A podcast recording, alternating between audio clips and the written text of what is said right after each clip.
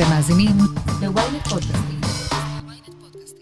כתבתי, האם היית רוצה לשתף את השם של הפוגע שלך, ככה שבמידה ויש לנו שמות שיחזרו על עצמם שוב ושוב ושוב, אז ובאמת מדובר במשהו סדרתי ובסדר גודל גדול, אולי אפשר יהיה לעשות עם זה משהו. בחברה החרדית הפסיקו לשתוק. אני סיוון חילאי, וזאת הכותרת. בחברה החרדית אני חושבת הפחד הוא כפול.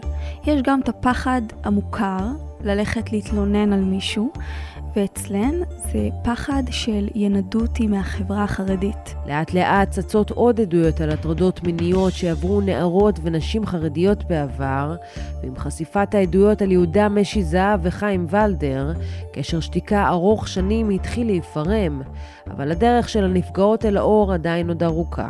אני לא כמובן מאשימה אותם, הם לא ידעו אחרת, הם פשוט אמרו לי, לשתוק בצורה כזו או אחרת. כתבת ynet וידיעות אחרונות נינה פוקס ויוצרת התוכן חני מלול יספרו לנו איך נפתחה תיבת הפנדורה הזאת, והאם מהפכת המיטו הגיעה גם לחברה החרדית.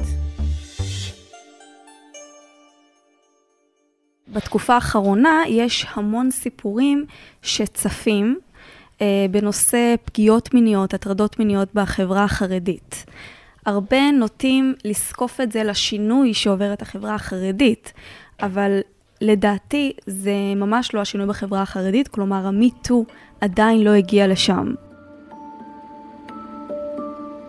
בעשור האחרון נוצרה בחברה החרדית תת-שכבה של חרדים שהם מודרניים, הם מחוברים לעולם החילוני, מחוברים לאינטרנט, הם נמצאים ברשתות החברתיות, והשינוי הגיע מהם. הם אלה שהציפו את זה, וגם בוגרי המגזר החרדי. למשל, אנשים כמוני שיצאו מהמגזר החרדי ויכולים לספר מה קורה שם. אבל אם תלכי ברחובות בני ברק או ברחובות ירושלים, בשכונות חרדיות, ותשאלי אם הם מאמינים שחיים ולדר פגע מינית, סביר להניח שגם הם לא ידעו מה זה פגיעה מינית, ואם יספרו להם, הם, הם, הרוב המוחלט יגיד שהם לא מאמינים לסיפור הזה.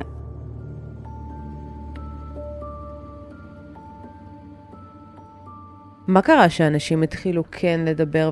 הרי פעם אנחנו בכלל גם בחברה הכללית אה, היה איזשהו שקט, ודווקא אלה שחוו את ההטרדות המיניות שתקו והרגישו שהם צריכים להתבייש. אבל אנחנו רואים שכמו שבחברה הכללית, גם בחברה החרדית, הבושה מתחילה לעבור צד. אז בחברה החרדית, לפי מה שידוע לי כרגע, עדיין הבושה לא עברה צד, עדיין לא מדברים על הנושאים האלה. החברה שכן אנחנו שומעים ורואים ושמדברים על הנושאים האלה, זה חרדים שהחרדים עצמם לא מגדירים אותם כחרדים. הם לא לומדים במוסדות שלהם, הם נמצאים במקום אחר לגמרי, מחוברים לעולם החילוני, והם מרשים לעצמם לעשות את השינוי הזה ולהציף את הנושאים האלה. החרדים עצמם, המיינסטרים, עדיין לא מדברים על הנושאים האלה. בחלק מהמקרים היית אומרת שאותם אנשים, בעקבות מה שהם חוו, יצאו והתרחקו אה, מהחברה?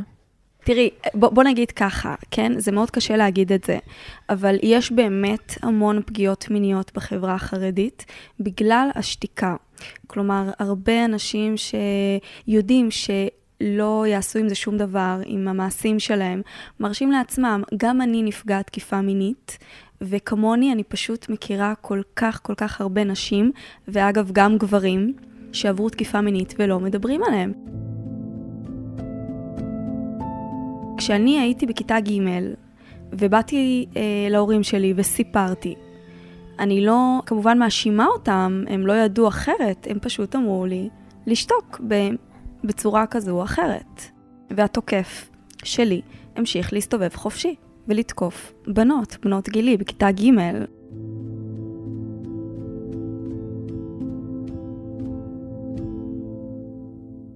ואת חושבת שזה עדיין קורה? הדברים האלה. חד משמעית, כן.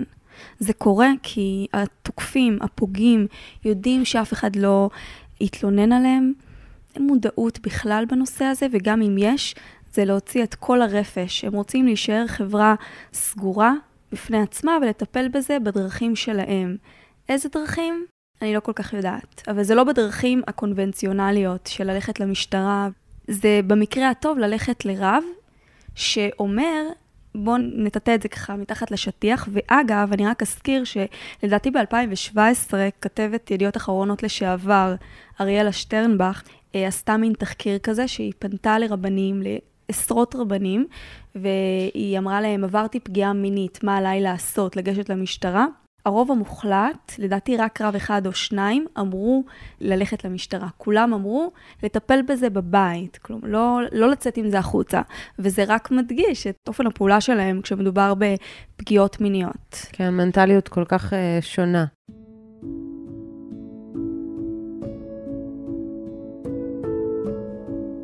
אם נתמקד uh, במקרה נניח של חיים uh, ולדר, שם היו כל כך הרבה עדויות. האיש הזה עדיין המשיך uh, לעסוק בעיסוקיו ולחיות את חייו, למרות כל העדויות האלה. הכחיש אותן uh, עד הסוף, חייב להגיד. וגם אחרי מותו, היו הרבה רבנים ולא מעט uh, אנשים בחברה החרדית שבכל זאת המשכו להגן עליו. בדיוק, זו בדיוק הדוגמה למה שדיברתי עליו מקודם. כן. בן אדם עם הרבה מאוד כוח, הוא במשך שנים עשה מה שעשה, לכאורה כמובן, וזה נתן לו אפשרות להמשיך ולעשות את המעשים שלו, כי הוא ידע שאף אחד לא ידבר. הוא פשוט ידע את זה.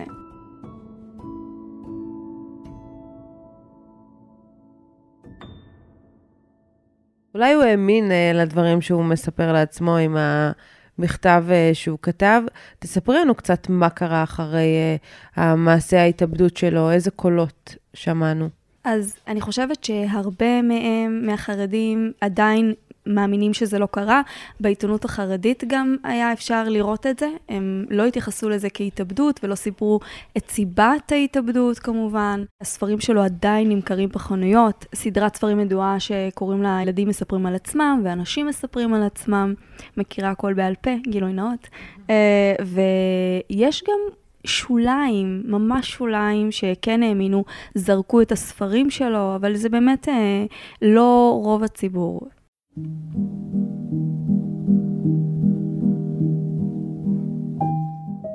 לאחרונה את גם חשפת אה, ששדרן רדיו מוכר אה, בחברה החרדית, הגיעו עדויות על אה, אונס, תקיפה מינית של קטינה והטרדות מיניות שהוא ביצע לפני מספר שנים. מה אנחנו יכולים לספר על אותו שדרן רדיו? בחברה החרדית זה שדרן רדיו מאוד מאוד מוכר. הוא היה גר בבני ברק בעבר, ועבר בשנים האחרונות לגור במגדל העמק. מקושר לכל המפורסמים במרכאות בחברה החרדית. הוא גם מוכר כאיש חינוך, והוא התמודד גם לכנסת בעבר. חמש העדויות שאת פרסמת, את זיהית מהסיפור שלהן איזשהו דפוס שחוזר על עצמו? כן, האמת שכל העדויות שהגיעו אליי, כל הנפגעות, הן היו uh, חברות uh, של משפחת uh, השדרן רדיו. זה היה מהמעגל חברתי מאוד קרוב. את חושבת שאותן משפחות... של אנשים שהעידו יודעות, הרי אם את אומרת שמדובר בחבר של המשפחה, אז האם הם יודעים שזה קרה? חלקן סיפרו, חלקן עד היום לא סיפרו, ואחת הנפגעות סיפרה לי שאחותה שמה לב שכל פעם כשהוא היה מגיע אליהם הביתה, הוא היה כזה מלטף אותה, מסתכל עליה, זורק לה הערות, והיא שאלה אותה כמה פעמים, תגידי, מה הקטע שלו איתך? והיא לא סיפרה. ואנחנו מבינים שלמרות שהן אה, העזו לבוא ולספר את העדות שלהן, בכל זאת הן בחרו שלא להגיש תלונה במשטרה. אז בוא נגיד שהסיפור הזה כבר שוכב המון זמן במגירה הסודית של יוצרת התוכן חני מלול, שהן פנו אליה אה, וסיפרו לה. הן לא מכירות זו את זו, חשוב לציין. ודווקא הסיפור עם חיים ולדר בהתחלה כן הצית את. המחשבה הזאת אה, להוציא את זה החוצה. אבל כשהוא התאבד הייתה איזושהי נסיגה. הן אמרו, אנחנו מפחדות שגם זה שפגע בנו יתאבד ואף אחת לא רוצה לקחת את זה על עצמה. ואחרי כמה ימים פתאום הם, הן התחרטו, חלקן, לא כולן, כי יש עדויות שגם לא פרסמנו, אה, והן החליטו שהן לא רוצות שזה מה שיגרום לו להמשיך ולפגוע בנשים נוספות, ושמקרה ההתאבדות לא ישפיע עליהן. והן החליטו ככה באמת באומץ גדול לחשוף את הסיפור שלהן, וזה לגמרי לא ברור מאליו.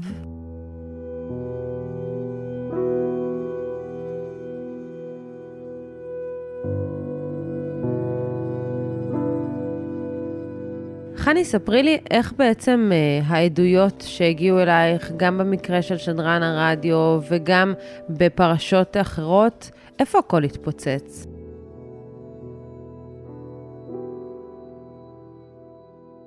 אצלי הכל התחיל אה, בפרשת משי זהב, שהתפוצצה לפני שבעה או שמונה חודשים. שמצטרפות, עוד מעט נביא לכם גם אנחנו עדויות אה, חדשות על מה שעולה לכאורה יהודה משי זהב. הוא כבר ויתר על פרס ישראל במהלך סוף השבוע. המשטרה מתחילה לבדוק ולחקור. וכשהתפוצצה פרשת משי זהב, אני זוכרת שקיבלתי המון המון הודעות שרובן היו עם מסר אחד של אני בהלם ואני לא מאמינה וזה לא יכול להיות. אז אני זוכרת שהעליתי פוסט וכתבתי בפוסט הזה שאני חושבת שהגיע הזמן שפשוט נתחיל להאמין והפוסט הזה צבר ממש ממש תאוצה, קיבלתי עליו המון המון פידבקים חיוביים ושליליים ואני זוכרת גם את הרגע הזה שהבנתי שנגעתי פה באיזשהו נושא שהוא רגיש אבל שהוא גם זקוק להרבה יותר התייחסות. בעצם באותו יום או בימים אה, אחר כך העליתי אה, עוד סטוריז בנושא ואני זוכרת שגם ממש כזה הסתקרנתי ואמרתי מעניין כמה מהבנות שעוקבות אחריי, כמה בנות באמת יכולות להתחבר את זה מהמקום אה, הנפגע והעליתי סקר לחיץ כזה ושאלתי האם נפגעת מינית במהלך חייך, אם את מרגישה בנוח לשתף. בערך 800 נשים לחצו כן. העליתי עוד סקר בסטורי אחר כך ושאלתי האם היית מתחת לגיל 18 או מעל גיל 18 ומעל 80 אחוז אה, לחצו שהן היו קטינות מתחת לגיל 18 ובאמת אחרי הפרשה של משי זהב שעלו עוד ועוד עדויות והגענו באמת למספרים מאוד מאוד גדולים כולל ארבע נשים שכתבו לי באופן אישי שהן נפגעו ממנו כולל בת משפחה קרובה שלו ו... והבנתי את המורכבות. ואז העליתי עוד סטורי ופתחתי בו איזושהי תיבה כזאת שכל אחת יכולה לכתוב בה משהו וכתבתי האם היית רוצה לשתף את השם של הפוגע שלך ככה שבמידה ויש לנו שמות שיחזרו על עצמם שוב ושוב ושוב אז ובאמת מדובר במשהו סדרתי ובסדר גודל גדול אולי אפשר יהיה לעשות עם זה משהו.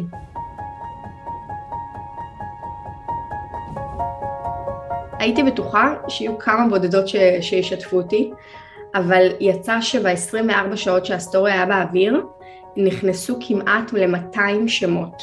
ואני ממש זוכרת שבאותו לילה נשארתי ערה עד ממש ממש מאוחר, ופשוט העברתי שם שם לתוך טבלת אקסל עם השם של מי שכתבה לי אותו, וחלקן כתבו לי ראשי תיבות של שם, חלקן כתבו לי שמות מלאים, ופשוט ישבתי ו- ופשוט עבדתי על המאגר הזה. וחשבתי לעצמי שאיזה פצצה מתקתקת יש לי ביד. איך זה הגיע ממצב שיודעים רק על שמות שחוזרים על עצמם בעצם, אנשים שאנחנו מבינים שזה היה משהו שהם עשו להרבה מאוד אה, נשים, או למספר נשים, או אולי לא רק נשים, ובעצם ממקום של אה, רק שמות שקופצים, זה הפך לממש עדות אחר עדות אחר עדות שהגיעו אלייך, ונשים העזו אה, לספר לך מה הן עברו. למשל בסיפור של הגניקולוג הראשון אמ, שהתפוצץ אה, לפני כשבועיים שבעצם גרם לכל הסערה הענקית הזאתי אני זוכרת ששם אחד הגיע ממש בשלמותו מישהי כתבה את השם המלא פרופסור מנחם אלקלעי ועוד מישהי כתבה ראשי תיבות ועוד מישהי כתבה מנהל מחלקה בבית חולים כלשהו. כלומר, את יודעת, יש נשים שהרגישו בנוח לכתוב שם מלא, יש כאלה שממש חששו, ופשוט יצרתי איתם קשר, וזאת שכתבה מנהל מחלקה, כתבתי לה את השם המלא, ואישרתי שזה באמת, היא התכוונה לאותו שם, והרמנו את הטלפון ודיברנו, והם סיפרו לי מה קרה, אמ, והזדעזעתי, והבנתי גם שזה משהו שהוא לא חד פעמי כזה, זה משהו שכאילו זה בן אדם שקם בבוקר והולך לעבודה, וזה מה שהוא עושה כל פעם כשהוא, כשהוא מצליח. אחרי שסיימתי את הסבב שיחות איתן, אמ, אמרתי לבעלי ש...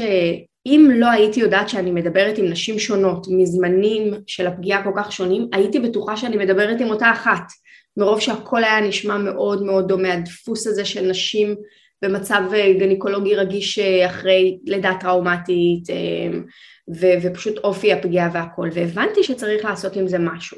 יש בך את הרצון להמשיך ולחשוף עוד ועוד סיפורים אין לי רצון להגיע למלא חשיפות תקשורתיות שעושות הרבה רעש וראיונות ויש לי רצון לעזור לנפגעות. בסיפור של השדרן רדיו החרדי אמ, למשל, השם שלו לא התפרסם, חשבתי לעצמי האם כאילו פספסנו את המטרה והמטרה ההתחלתית הייתה שהנפגעות יוכלו פשוט לספר מה קרה להן וכשאני חושבת על זה ככה אז אני מבינה שכן השגנו את המטרה כי הנפגעות סיפרו מה קרה להן שקולן היה מושתק כל כך הרבה שנים ואחרי באמת שנים של סבל ורק כשנפגשתי איתן עם חלקן פיזית ודיברתי איתן ו...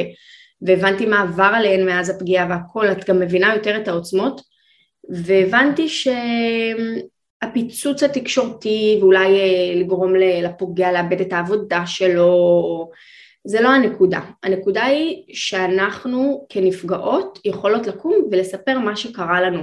אז אני חושבת שמהכיוון הזה כן השגנו את המטרה. אני מבינה שאת התועלת שיש בחשיפה תקשורתית, אה, לפעמים שכאילו גם אין ברירה, כי אנשים לא מוכנות לעבור את התהליך הקשה והפוגעני לפעמים של אה, תלונה במשטרה, ויש פה גלגל פגיעה שצריך לעצור אותו, אז אני מבינה את החשיבות של זה.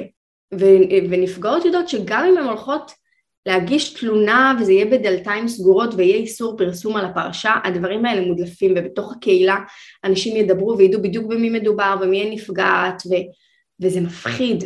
אמ, אני יכולה גם להגיד לך שכשהתפוצצה הפרשה על השדרן רדיו החרדי, קיבלתי הרבה יותר אה, ביקורות, הרבה יותר תגובות שליליות, אפילו קיבלתי איומים, מישהי כתבה לי אתמול שהיא בדרך לתחנת המשטרה להתלונן על, אה, על בן משפחה שלי שאנס אותה, בגלל כל החילול השם שאני עושה. ידעתי ש, שזה יהיה הרבה יותר קשה לקבל את זה מתוך המגזר, זה, זה מורכב וזה... מנגנוני ההכחשה הם הרבה הרבה יותר אה, קשוחים, וזה מרגיש כמעט אלים לפעמים. את מרגישה אבל שכן היה איזשהו תהליך חיובי בשנים האחרונות, או שאת אומרת, החברה החרדית עדיין תקועה הרבה מאוד מאחור? דיברנו מקודם עם נינה, והיא אמרה שהיא לא חושבת uh, שמהפכת המיטו קרובה בכלל uh, להגיע לחברה החרדית. את מסכימה עם זה? זה כל כך רחוק? לא, אני לא מסכימה עם זה. אני, אני חושבת שכבר אנחנו רואים שינויים uh, מאוד גדולים.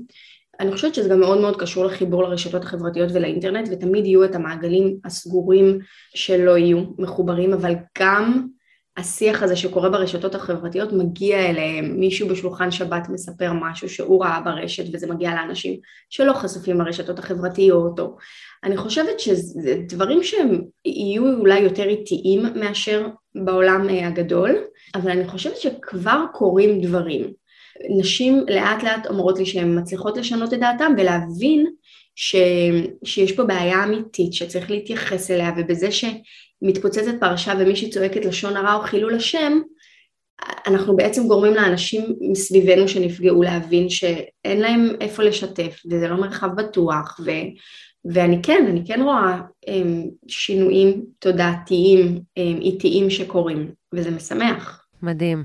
חני מלול, תודה רבה לך. תודה רבה. מיד נמשיך עם הכותרת, אבל לפני כן, הפסקה קצרה. היי, אני משי היד, ואני רוצה להזמין אתכם לאבק פיות, פודקאסט דיסני המצליח ביותר בישראל. לא, זה לא פודקאסט לילדים. בכל פרק נצא למסע נוסטלגי בעקבות הסיפורים הכי מעניינים של חברת האנימציה הגדולה בעולם. הכוכבים המפתיעים שעמדו מאחורי הדמויות של מלך האריות, מולן, אלאדין, פוקהונטס, ובת הים הקטנה. הצד האפל מאחורי סיפורי הנסיכות והאבירים, וגם איך המכשפות הפכו לסמל סקס. חפשו אבק פיות ב-ynet או באפליקציית הפודקאסטים האהובה עליכם.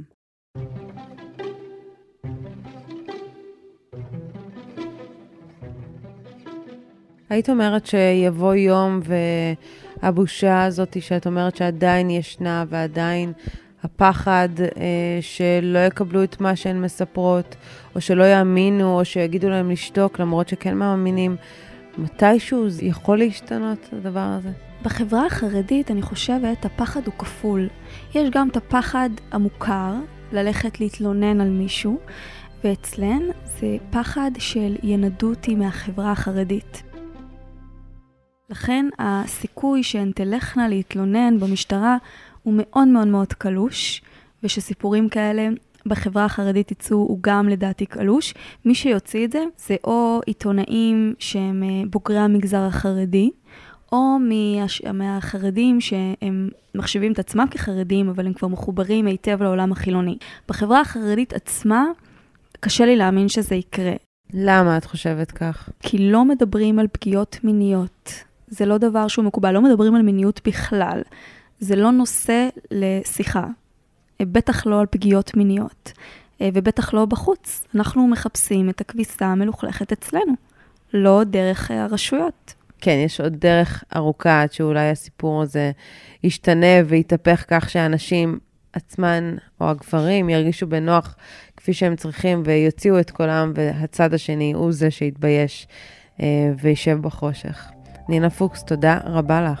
תודה רבה לך, סיוון.